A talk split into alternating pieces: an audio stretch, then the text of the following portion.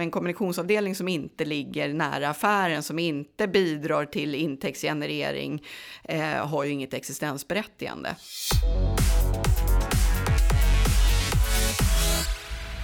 Enligt SASs kommunikationsdirektör är det väldigt få avdelningar i ett företag som har behövt ändras så radikalt som sälj, marknad och kommunikation. Så hur har SAS ändrat sig för att möta dagens behov?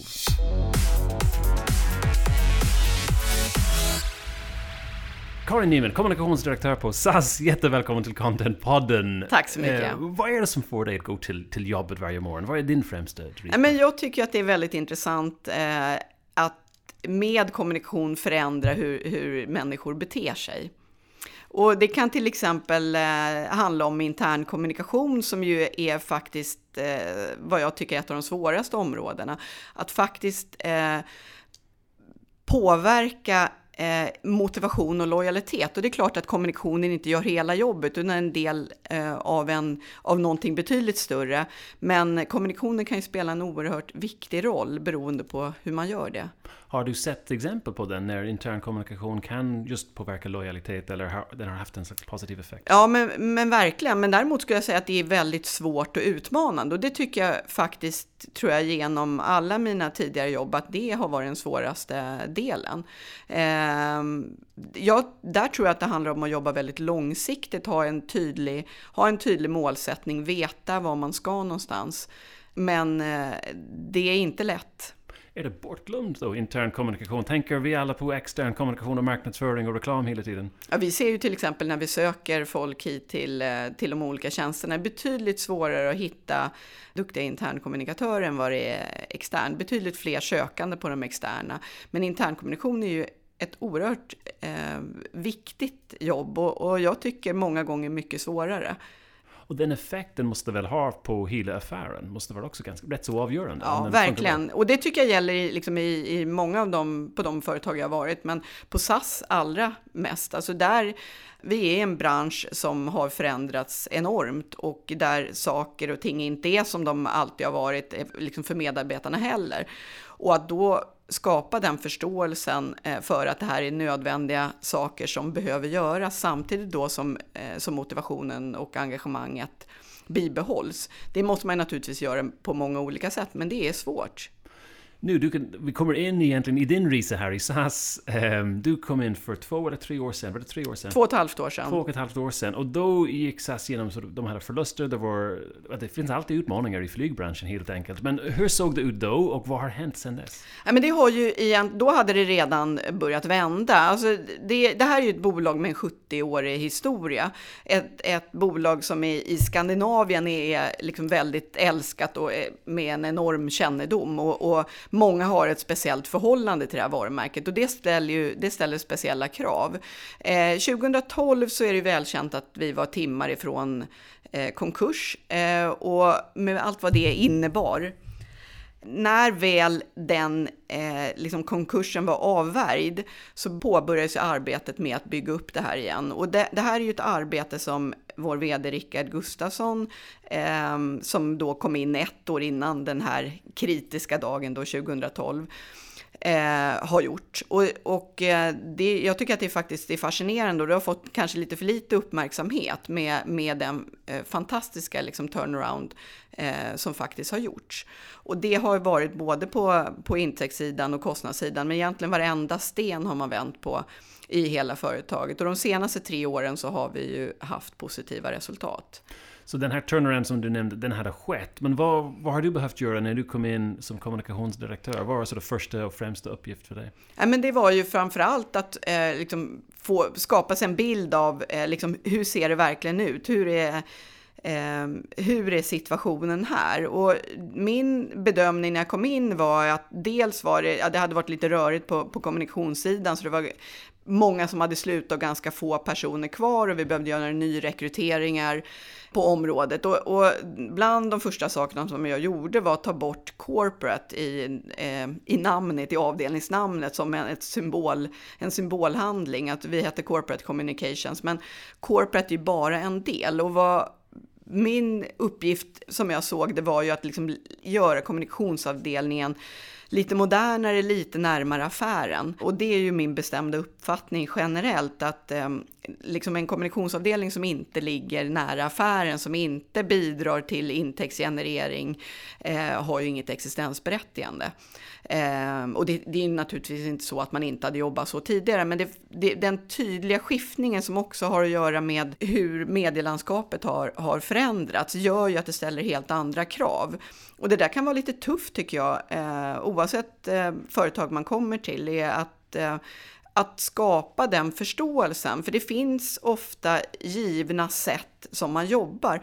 Men jag tror att det är få områden som har förändrats liksom så radikalt som kommunikationsavdelningen och eh, egentligen hela, både kommunikationsavdelning, marknad och, och försäljning. Alltså det, det är ju det ställer helt nya krav och det är helt nya utmaningar än det var igår och då går det inte att jobba exakt som man jobb, gjorde tidigare. Och vi kommer definitivt att komma in i den därför det här är ju den eviga frågan, like sälj, marknad, ja. uh, you know, kommunikation, till och med IT har någon nämnt till mig, allt bör vara i ett egentligen. Precis. Och det, det tror jag är väldigt svårt att göra men jätteintressant idé. Ja. Men om vi går tillbaka, vad har ni gjort strukturellt då för att komma närmare affären då på, på just kommunikation? Hur såg uh, huvuduppgiften ut då när ni kom in och, och vad har ändrats? Ja.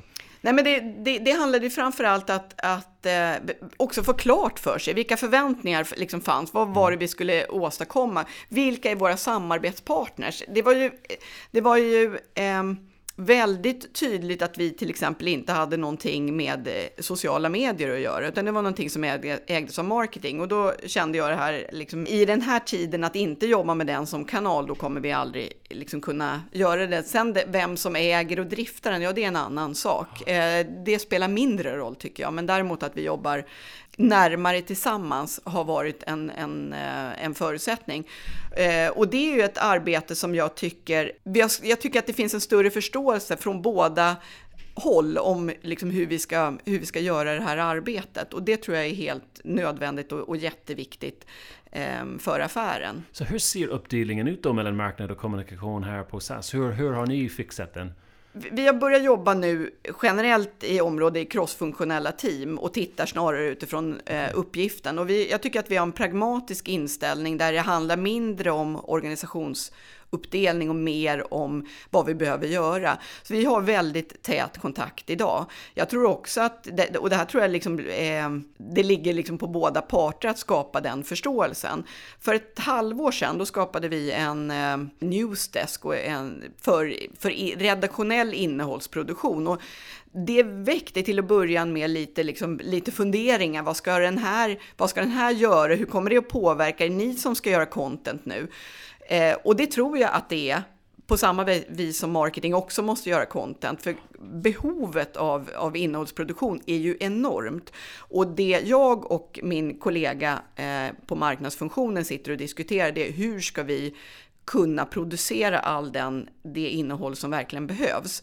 Eh, så där behövs alla krafter och vi kommer inte heller att räcka till eh, bara med interna resurser heller.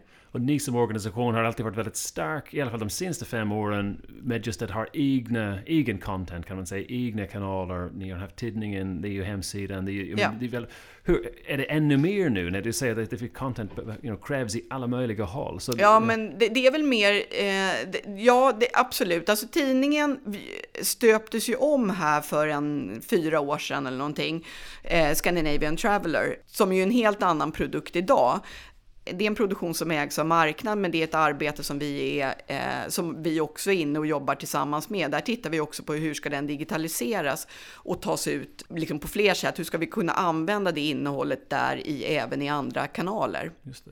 Och vi tittar på den här intern kommunikationsfrågan också. När saker och ting började bli bättre, när du kom in, men det var, det var ändå mycket att göra. Vad, vad behövde ni göra där internt för att kunna motivera alla och se till att alla hade den slags energi. För, därför att nu är det ett positivt resultat som du säger, så, så någonting har ni gjort. Ja, nej men, och det här är ju ett, det är ett arbete som pågår och som nog aldrig riktigt blir klart. Eh, men en av de viktigaste sakerna som vi har jobbat med, det har ju varit med ledarkommunikationen. Och det har varit, när vi ska kommunicera också svåra saker, att faktiskt ge ledarna möjlighet att kunna ta till sig Eh, materialet i god tid. Och vi är ju börsnoterade, måste ju naturligtvis eh, liksom följa de reglerna. Men det har i lägen där det faktiskt inte varit börspåverkande viktigt att faktiskt ge material och ge förberedelsetid till ledarna innan vi sen går ut externt. Och det där har vi liksom fått brottas med lite grann och, och där man alltid har varit väldigt rädd för att det ska läcka och väldigt ofta läcker det. Eh, tyvärr. Vi har ju branschmedia som ju ofta vet saker innan vi gör det. Eh, då har det ändå spelat roll, för vissa av de här frågorna är faktiskt viktigare internt än vad de är externt. Och att skapa den förståelsen eh, och liksom tryggheten hos ledarna för annars kan man omöjligt liksom ta ut det. Det vi har brottats med genom åren och det, det är ju också att hur man ser på facken. Och där har det ofta, finns det en historik i företaget att man har eh, Företaget kommunicerar, medarbetarna väntar på, på fackens tolkning som kommer ut och säger hur det egentligen ligger till. Och då har, inte, då har vi inte varit liksom förstahandskällan och det där har vi jobbat mycket med att förändra. Okej, okay. så nu är det snarare det är en bättre dialog kan man säga? Jag, jag tycker mm. egentligen är det så att det är alltid en bra dialog, men facken har en väldigt stor påverkan i företagen. Och då gäller det ju att, att, ha en bra dialog med facken, men att heller inte lägga över allt eh, liksom ansvar. ansvar. på dem, ja. utan det är vårt ansvar. Det är våra, de kan jobba med sina medlemmar, men vi jobbar faktiskt med våra medarbetare. Och där är ju viktigt att kommunikationen inte är envägs, utan att det är en dialog, så att vi får upp eh, och kan samla ihop informationen. Superintressant. Um, du har kommit från, från Karima tidigare. Jag bara, där var det mycket media också uh, kring den. Du hade mycket att göra säkert. Jag bara undrar, vad har du lärt dig sådär därifrån som du har kunnat ta in i SAS? Eh, ja, men tiden på, på Carema var speciell på många sätt. Jag, jag jobbade i det benet som var Carema sjukvård. Det fanns en annan del som var Carema omsorg. Um, och um, 2011 så, så var vi med om ett, ett stort mediedrev som ju är, är ganska välkänt för det är det största mediedrevet i, i modern tid. Eh, det var ett drev som pågick i över sex månader. När en vanlig mediekris är två, tre veckor så fortsatte det här och det påverkar ju faktiskt fortfarande svensk politik. Eh, det intressanta var ju i det här att det fanns inget belägg för det vi anklagades för, utan man visste, våra kunder var, var, var oerhört nöjda. Eh, I de kvalitetsmätningar som gjordes så var vi eh, bäst i branschen samtidigt då så, så kom det här drevet som eh, totalt eh, liksom förändrade liksom hela spelbilden. Där vi gick då med det här bolaget från okänt till ökänt över en natt. Man hade faktiskt inte behövt jobba. Vi gjorde varumärkesaktiviteter men det gick ju fantastiskt bra och var ju en tid när allting bara liksom gick uppåt. Så att de här extra varumärkesarbetet eh, och själva kännedomsarbetet det var inte riktigt prioriterat och fanns inte riktigt förståelse för det heller ärligt talat. Och det är ju, hade ju varit väldigt bra som vaccin i det här kan man ju säga. Men därför var vi totalt oskyddade när det här kom. Så för allmänheten som aldrig hade haft att göra någonting med, haft att göra med Carema så framstod ju det här som ett källarföretag med liksom banditer.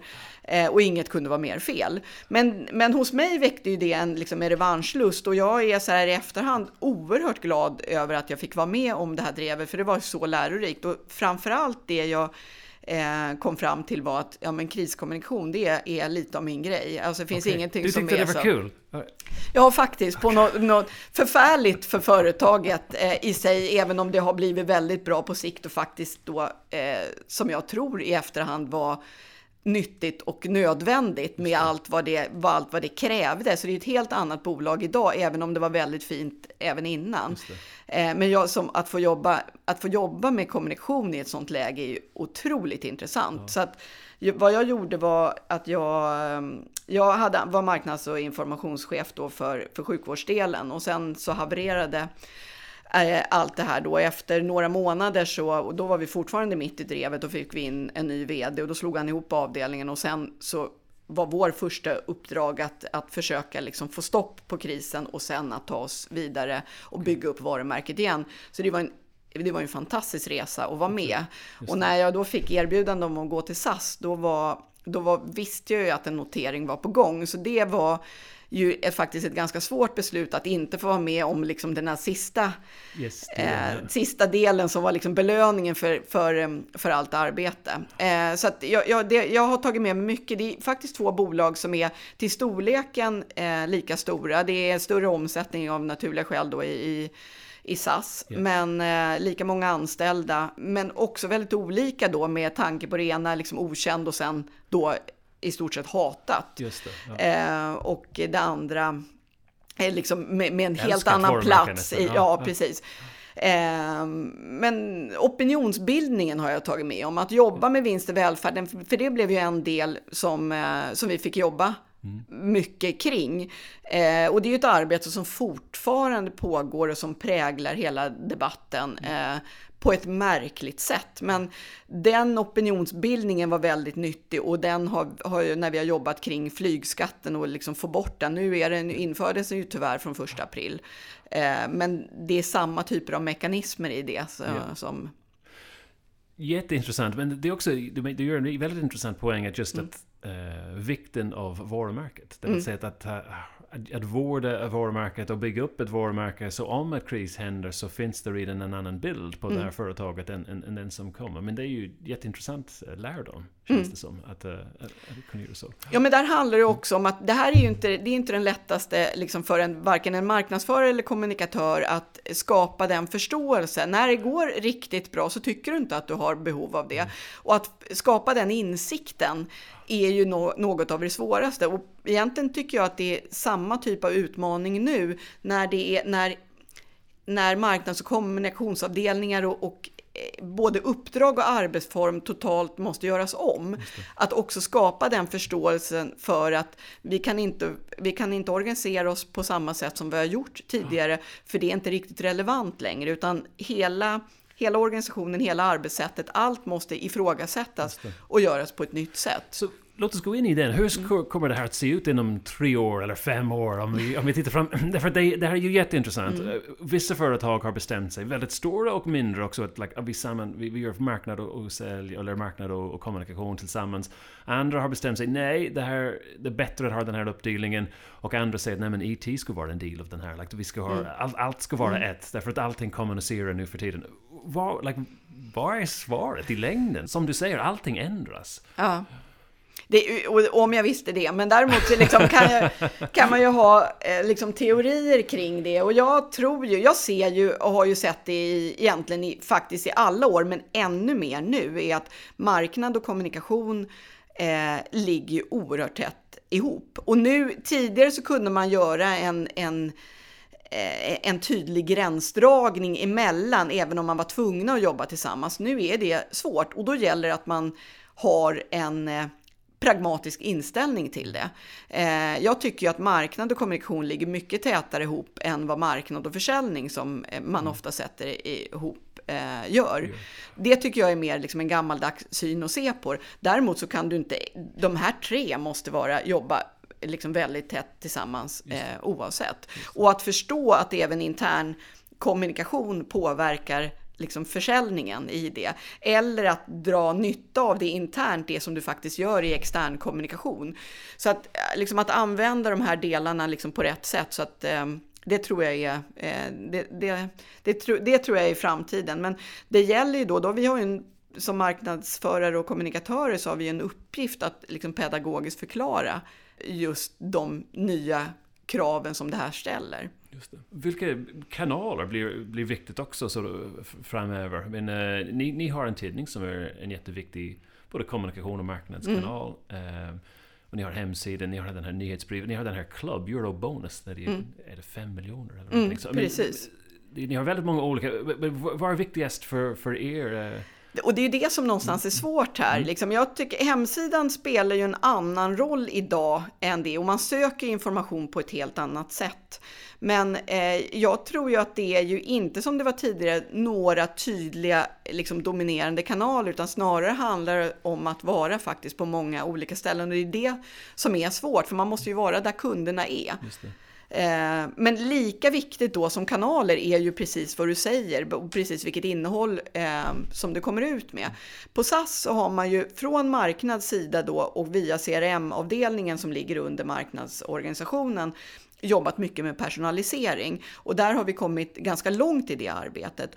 Och vårt bidrag i det, det blir ju att bidra med den redaktionella liksom, kommunikationen så att du kan, vi är med i det arbetet så att vi också kan liksom, ha ett intressant innehåll. För det gäller ju inte bara att nå fram, utan du ska ju säga rätt saker till det som man faktiskt är, är väldigt intresserad av. Men med tanke på det så inser man ju också vilken annan typ av behov som det är nu att verkligen liksom producera det här materialet istället då för att bara, ja men stora liksom traditionella marknadsproduktioner som man tidigare har jobbat med. Så det ställer ju också krav på liksom en förändrad liksom budgetfördelning. Yep. Ni har, låt oss säga, er marknadsavdelning kan, kan få fram ganska mycket bra information om varje individ som, ja. är, som är med i er uh, Eurobonus Medlems eller klubb eller vad det nu kallas för. Uh, organ, och sen ni kan hjälpa till med rätt sorts innehåll. Okej, okay, vi kan ge dem, det här är relevant att kommunicera till den här gruppen nu som vi, tar mig själv som kommer från Irland. Jag mm. tänker okej, okay, ja. jag måste åka tillbaka till Irland någon ja. gång. Och ni ser att okej, okay, men då mm. börjar han söka på Dublin. Eller han har gått in i sajt några gånger. Och då, då kommer ut den där nyhetsbrevet som säger You know, Precis. Eh, fem saker att göra i Dublin you know, nu på sommaren eller, eller, vad det nu är. Och då kan vi vara med och, bidra till på ett sätt som vi inte har varit tidigare. Okay. Däremot så kan du ta det innehållet som du får ut, som du då kan liksom personalisera och skicka ut. Det kan du också använda i media eller liksom i våra sociala kanaler och så. Så det finns ju många, det gäller ju liksom att återanvända och liksom anpassa lite grann för de olika kanalerna för att göra det här på, på rätt sätt. Och, och, där handlar det också om produktionen, att dels naturligtvis basera den på kundinsikten, vilken produktion vi tar fram, men också att eh, titta på vi, vad tror vi också är viktigt liksom för att bygga både varumärket och bidra till försäljningen övergripande, yes. inte bara in, för den enskilda kunden. Superintressant. Ja. Men jättekomplext också att kunna förstå. Det är det ju. Just det, ja, ja. Vad tycker ni är, ni är riktigt bra på kommunikationsmässigt på SAS? Jag tycker att vi är bra på medierelationer generellt. Med liksom, det har vi en lång historik eh, av. Eh, vi är bra på kriskommunikation och då är ju som varje flygbolag så har vi ju en gedigen liksom, krisorganisation liksom i bakgrunden som en, som en backup. Men den dagliga krishanteringen, eftersom det hela tiden är små saker som händer hos oss eller i, i omvärlden, då tycker jag att vi kan hantera det bra. Jag tycker också att corporate-kommunikationen och, och mot investorerna är vi duktiga på. Eh, det jag tycker att vi kan bli bättre på, det är det skulle jag nog säga är, det är liksom just det här arbetet som vi håller på med nu med att liksom ta oss in i framtiden, att ha den, den proaktiva liksom kommunikationen. Och även liksom proaktiv PR där vi egentligen inte riktigt haft resurser utan det har det, har, det, är ett arbete som har legat på presschefen, men, men det flyttar jag över nu till liksom en speciell tjänst för att okay. det är, vi är ju oerhört liksom slimmad organisation så att alla får göra allting här. Men det, är, det visar sig nästan vara omöjligt att komma ut med eh, proaktiv kommunikation eh, när du, ändå, när du varje dag måste hantera det, liksom det reaktiva. Just det, det flödet som kommer in. Precis. Så den personen kommer att se till att hitta vinklar, att hitta stories som Precis. man tror är, är intressant för allmänheten helt enkelt, som, som kommer ut via Precis, för vi har, ju, vi har ju då våra tre skandinaviska marknader som, som huvudområde, men sen har vi också internationellt då på eh, en rad marknader där vi faktiskt fått begränsa oss till eh, liksom några få där vi gör satsning och de andra låter vi faktiskt lite vara. Mm. Okay. Det blir för mycket att hantera? Ja, vi har inte resurser till det. Nej, det låter klokt då. Ja. Eh, hållbarhetsfrågan, hur jobbar ni med den? Därför det måste vara en jättefråga nu, särskilt i flygbranschen. Det är det verkligen och, och framförallt i Sverige eh, har ju den här frågan varit, eh, blivit jättestor. Eh, väldigt krasst är det ju så att ja, men flyget gör eh, stora utsläpp, men flyget eh, som grund behövs. Människor behöver flyga och människor kommer inte sluta flyga. Eh, branschen tycker jag var för dåliga på att kommunicera vad som faktiskt gör och vilka innovationer som är på gång. För lösningen är inte att människor slutar flyga, lösningen är att vi hittar ett långsiktigt hållbart flyg. För SAS är det här en, en fullständigt, den, jag skulle säga den absolut viktigaste frågan som vi har, eh, har att göra med. Och det här är inte någonting som vi har förstått på grund av den debatten som har rasat nu det senaste året, utan det är någonting som vi har jobbat med i 70 år. Men vi har varit alldeles för dåliga på att berätta eh, vad vi gör. Och fortfarande så är vi inte riktigt bra på att, att eh, komma ut med det ordentligt. Och det är ju en av våra viktigaste... Så vad gör ni då? Därför det är ju, vi gör massor och vi har ju liksom en 70-årig historia. I, vi har varit pionjärer inom så många områden. Vi, vi gör väldigt mycket bra på mycket och framförallt behind the scenes. Alltså, till exempel alldeles nyligen ett nytt eh, eh, torr, en ny torrtvätt som är betydligt mer miljövänligt än vanlig tvätt av flygplan. Okay. Eller gröna inflygningar var vi pionjärer med, att man stänger av motorerna vid liksom ett, ett okay. tidigare stadium. Eh, och alltså det är mängder liksom av, så hela företaget jobbar faktiskt med den här typen av frågor. Men vi, vi är dåliga på att berätta om det och sen kan det också vara, jag skulle säga faktiskt att det Ibland är det så att det du ser, om vi, nu jobbar vi med den mest miljövänliga plasten, ja det, det, har vi inte ens, det kommunicerar vi inte ens. Så det. här är liksom framförallt skulle jag säga nu, det är att fortsätta det här arbetet men också då att kommunicera. Vilket är glädjande, för det här är någonting som hela företaget och ledningen står bakom och medarbetarna liksom efterfrågar liksom mer kommunikation, för alla känner ju till att det är så här vi jobbar. Nu har vi också beslutat att vi sen april så klimatkompenserar vi alla ungdomsbiljetter okay. eh, till exempel, eller CO2-kompenserar. Så att vi gör mycket på området, men vi behöver ta en helt annan position. Absolut, därför att det finns en position att ta där. Det, det gör det. Och jag tror att överhuvudtaget så tror inte jag att det här, ehm, eh, jag, jag, tror att det här kommer vara en hygienfaktor i, i framtiden. Och det är ju, men för oss har det varit också viktigt att inte göra några liksom enkla kommunikativa grepp, för det här är någonting som måste liksom tas på allvar och kommuniceras liksom med försiktighet. Eh, för det handlar om att också berätta om att ja, vi är ju naturligtvis inte framme, men vi är på en resa och vi vi vet att människor ska kunna välja att resa så miljövänligt som möjligt och det ska vi möjliggöra för dem att kunna göra. Har det intresset för att CO2-kompensera sin egen resa, har den ökat? Eller det har det. Har det. Ja, det har det verkligen. Och intresset överhuvudtaget bland resenärer är, är mycket större för den här frågan. Om vi går tillbaka till din roll, kommunikationsdirektör. Vad är största utmaningen? Är det just den här att, att få ihop de här olika avdelningarna och se till att ni, ni alla jobbar i den här komplicerade kommunikationsvärlden? Eller, eller, eller vad ser du som den största utmaningen? jag skulle säga att vi har ett jättestort uppdrag. Eh, vi har ett stort ansvar. Det finns en, en liksom stor efterfrågan på våra resurser, vilket är väldigt roligt. Men vi är, vi är få. Eh, den stora utmaningen är ju faktiskt att, att kunna leverera på allting det det som vi faktiskt behöver göra. Eh, och med de få resurserna då så, så handlar det ju också om att eh, ja, för det första att helt, ha helt rätt organisation, att va, ha precis rätt person på varje plats, annars så går det inte.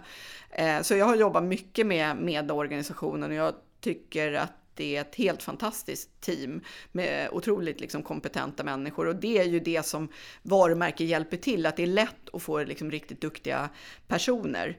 Men sen är det liksom internkommunikationen, eh, den är utmanande. Det är en, en intressant utmaning, eh, men eh, att, att göra det på rätt sätt och verkligen liksom göra skillnad i, i, med förändringskommunikation, det är svårt. Det. Har ni mm. lyckats där eller vad tror du? Vi, jag skulle säga att vi absolut inte är framme. Det är klart att vi har liksom tagit steg framåt i det, men eh, det finns så mycket eh, mer att göra där. Det är ju superbra att någon i alla fall ger intern kommunikation lite mer utrymme därför att eh, jag har haft vi har gjort 40 intervjuer nu på mm. Contentpodden och det är bara vissa chefer som har tagit upp hur viktigt intern kommunikation är. Men det mm. känns som att det är otroligt avgörande för, för hela affären. Det vill säga när jag, ja. när jag går in till SAS och sätter mig på en flygplan, den bemötandet jag får Precis. och allt det där har med intern kommunikation att göra också. You know, på ja. något sätt. Och det, och det det är ju väldigt mycket varumärket också. Mm. Eh, just de slags touchpoints och hur, hur, hur man blir bemött eh, mm. varje gång. Så jag tycker det är, det är jätteintressant att du i alla fall tar upp den. Men vad är nästa steg då för intern kommunikation för er? Hur, hur, Nej, men vi tittar på en, faktiskt en rad olika initiativ och kanske det område som vi, eh, liksom som, som vi satsar mest på. Men jag tycker att det är viktigt att poängtera att det är ju till viss del en kommunikationsfråga, liksom det man behöver göra för liksom, att öka engagemang och motivation. Men det är så mycket mer än det och det måste vara på riktigt. Och SAS har ju helt fantastiska medarbetare som är oerhört dedikerade. Många har jobbat i många år eh, och liksom verkligen också eh, liksom älskar företaget och varumärket. Eh, och då gäller ju det att, eh, liksom, att, att lyssna också på vad medarbetarna har att säga. Vad, vad, vad, liksom, vad tycker man egentligen? Vad, vad, vad klämmer skon? Alltså att förstå det för att sen kunna också sätta in liksom rätt aktiviteter.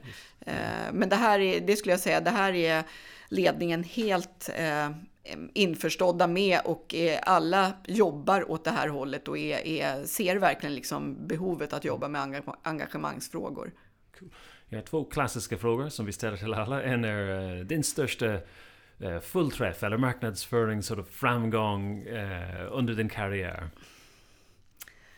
Ja, det är svårt för det, det, är ju det som är, eh, jag skulle säga att mycket av det är ju liksom krisrelaterat så jag tror att jag ska lämna det. Men, men en del som, eh, en som jag, jag tänker på är mitt första marknadschefsjobb som jag hade då på Gävle konserthus när det byggdes 1997. Då hade jag jobbat i något år innan på Telia och fick det här liksom fantastiska jobbet. Och när vi kom dit så när vi började, jag, liksom, jag är från Gävle då men flyttade tillbaka hem, hade inte bott där på ganska länge.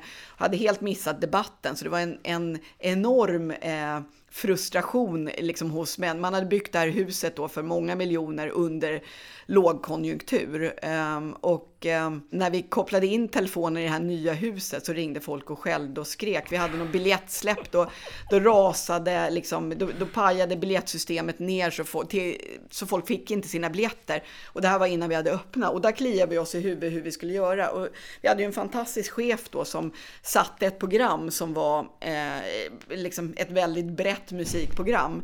Så vi beslutade om att bjuda in allmänheten två dagar före den här obligatoriska liksom, invigningen med Honoraciores. Så allmänheten blev inbjudna två Först. dagar innan.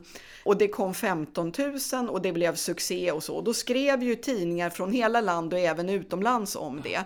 Eh, och då blev PR-arbetet att berätta för Gävleborna om vad man faktiskt skrev om det här. Och på så vis så, liksom, så, så, så ja. blev stoltheten. Och sen dess, vad jag vet, så är det fortfarande liksom, går det väldigt bra. Och det är klart att det hade blivit förr eller senare. Men jag tycker att ja. för mig var det liksom en, eh, det var en eh, rolig liksom, och intressant upplevelse liksom, att se hur man... Och genidraget tar in allmänheten först då, i så fall? Vad sa du? Att... Genidraget tar in allmänheten Verkligen. först? ja. Och sen berätta om det. Att berätta, det. och det använder jag mig faktiskt av, har jag gjort faktiskt på fler jobb, att berätta om vad man faktiskt skriver utifrån om bolaget för att skapa stolthet. För det ja. finns ingenting på samma internt. Om vi berättar internt vad man externt har sagt, liksom, har sagt och tycker så blir man oerhört stolt. Om vi för några veckor sedan så var vår VD eh, på BBC World och pratade om SAS framgångsresa. Att berätta om det internt är otroligt viktigt för att bygga stolthet också. Mm. Smart. Eh, motsatt fråga då, största fiasko. Du har haft massor med kriser att ta hand om, så det måste finnas en det, hel del det, det, finns mycket, men jag kan ju ta, jag kan bjuda på den här även om den smärtar lite. Men eh, det var eh, när vi då var i, i uppgången då av ehm, eh, efter återbyggnaden av Carema, direkt när vi liksom hade kommit egentligen på eh, på liksom säker mark så börjar man skrika, men ni måste byta varumärke, ni måste byta namn och det är nu. Och då var vdn eh, Fredrik Gren väldigt cool och liksom, så han var också helt med på att vi måste vänta, vi måste se vad det verkligen, vad, vad ska vi verkligen göra? Ska vi byta namn då ska det vara på riktigt, då ska vi titta var vi står och, och sen ska vi kunna förklara varför vi byter namn. Eh, vi jobbade med det där, vi hade, vi hade inne reklambyrån King, vi gjorde ett stort arbete, vi eh, vi eh, gjorde om den grafiska profilen. Vi fattade så småningom efter ett och ett halvt år beslutet om att byta namn. Eh, jobbade med Garbergs Project och tog fram en ny profil. Eh, och allting var, vi var helt förberedda mediemässigt eh, också för att vi skulle få en whitewash-debatt. Att man skulle säga att det här är bara liksom att sminka grisen. Så vi var så förberedda. Vi testade de här namnen och då ville vi ha namn som inte var eh, som betydde någonting på riktigt, som låg väldigt långt ifrån riskkapitalet. Som, det var ju det som man eh, liksom uppfattade eh, stod, att de här privata välfärdsbolagen stod för. Eh, så vi testade en massa namn och till slut så kunde vi liksom enas om nytid och vardag. Då hade vi delat upp den här omsorgsverksamheten i två. Eh, där nytida var funktionsnedsättning och vardaga äldreomsorg. Och det var också för att minska risken för en eventuell ny eh, kris. Så jag tror det var liksom ett riktigt beslut. Men när vi då sen den dagen tryckte på knappen efter så eh, många, vi hade, det är väl det jag ska säga också, vi hade testat det här namnet på korsen och tvärsen. När vi då liksom trycker på knappen, allt går jättebra. Sen skriver eh, Viktor Bart Kron, tror jag han heter i DN, så twittrar han om och kallar det här för vårdaga. Eh, då var det inte så kul eh, att liksom vara eh, liksom personen bakom det här. För då, då, då trendade vi i sociala medier, eh, de, alla skrev och det var liksom ett drev. Och internt så blev man ju oerhört liksom, ledsna och frustrerade ja. över det här. Eh, och, de, och sen också gamla kollegor som hörde av sig och sa att eh, hur kunde ni göra så här? Det här såg jag direkt. Och då kan jag säga att det tror jag inte man gjorde. För vi, det här hade vi, vi hade gjort alla tester, vi såg inte det. Så mm. det, det fanns inte någonstans i det här. Eh, och då gällde det ju där att hålla, eh, att stå fast och stå pall, prata med vd också som också blev intervjuad och att eh, nej men det här är, det, det är viktigare för oss eh, vad som, eh, vad det här namnet signalerar och att det ska signalera någonting som är nära människan och varje dag än vad som faktiskt skrivs eh, i tidningarna om det. Eh, och där var ju att påverka och inte börja svaja, för det var, det var jag väldigt tydlig med. Det finns ingen väg tillbaka, nu måste vi stå pall. Och det trendade ju en dag och efter ett dygn var det borta. Sen är, finns det en del liksom vänsterradikala som har använt det som poäng någon gång då och då. Men nu är det ju ett starkt varumärke och det, det. var det liksom en vecka senare också och det har varit liksom en framgångsrik. Eh, men, men, men, men, men lärdom, ja, och lärdomen är ja, dels är det väl då att kanske testa en gång till, men framför allt är det ju att inte vika ner sig där på någonting som man tror på utan att liksom stå fast. Eh, men eh, Ja, ja, tufft, men ändå, exakt. Ja. Lärorikt. Vilken person skulle du vilja höra på den här podcasten framöver?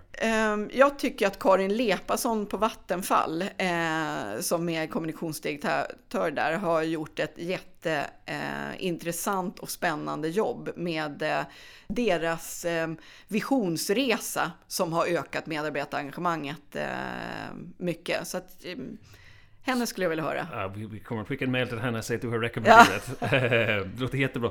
Nu när du själv reser, vad är det viktigaste för dig? Ehm, är det biljettbokning eller vad var det viktigaste del i, i hela resan? Men jag har ju gått från att vara en person där som, jag vill fortfarande att det ska vara snabbt och smidigt, eh, men jag har gått från en person där jag, där jag tyckte att det varit viktigast att bara liksom komma fram till att verkligen uppskatta flygresan. Och, eh, jag är oerhört stolt över vår, eh, vår produkt i, som vi har på, på våra långhållresor, eh, där vi har liksom en business class som är i många utsedda som den absolut bästa. Den är ju på skandinaviskt sätt och den är verkligen på SAS med både mat och komfort, komfort och liksom entertainment.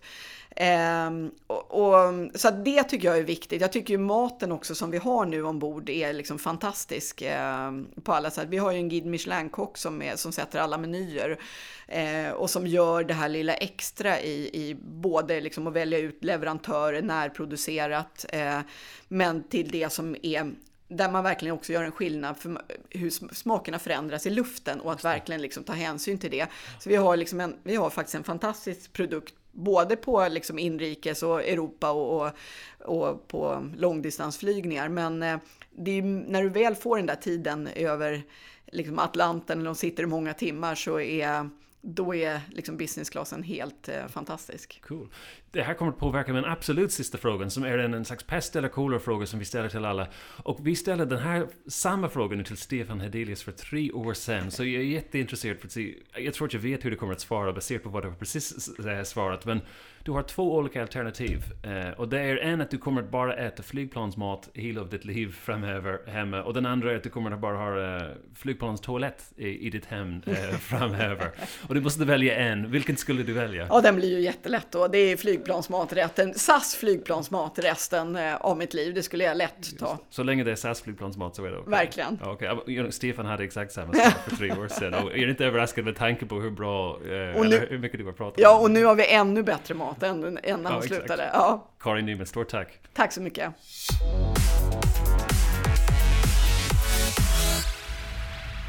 Contentpodden kommer från contentbyrån Breed. Mitt namn är Colin O'Callaghan och du hittar oss på LinkedIn, Twitter och breedcontent.se.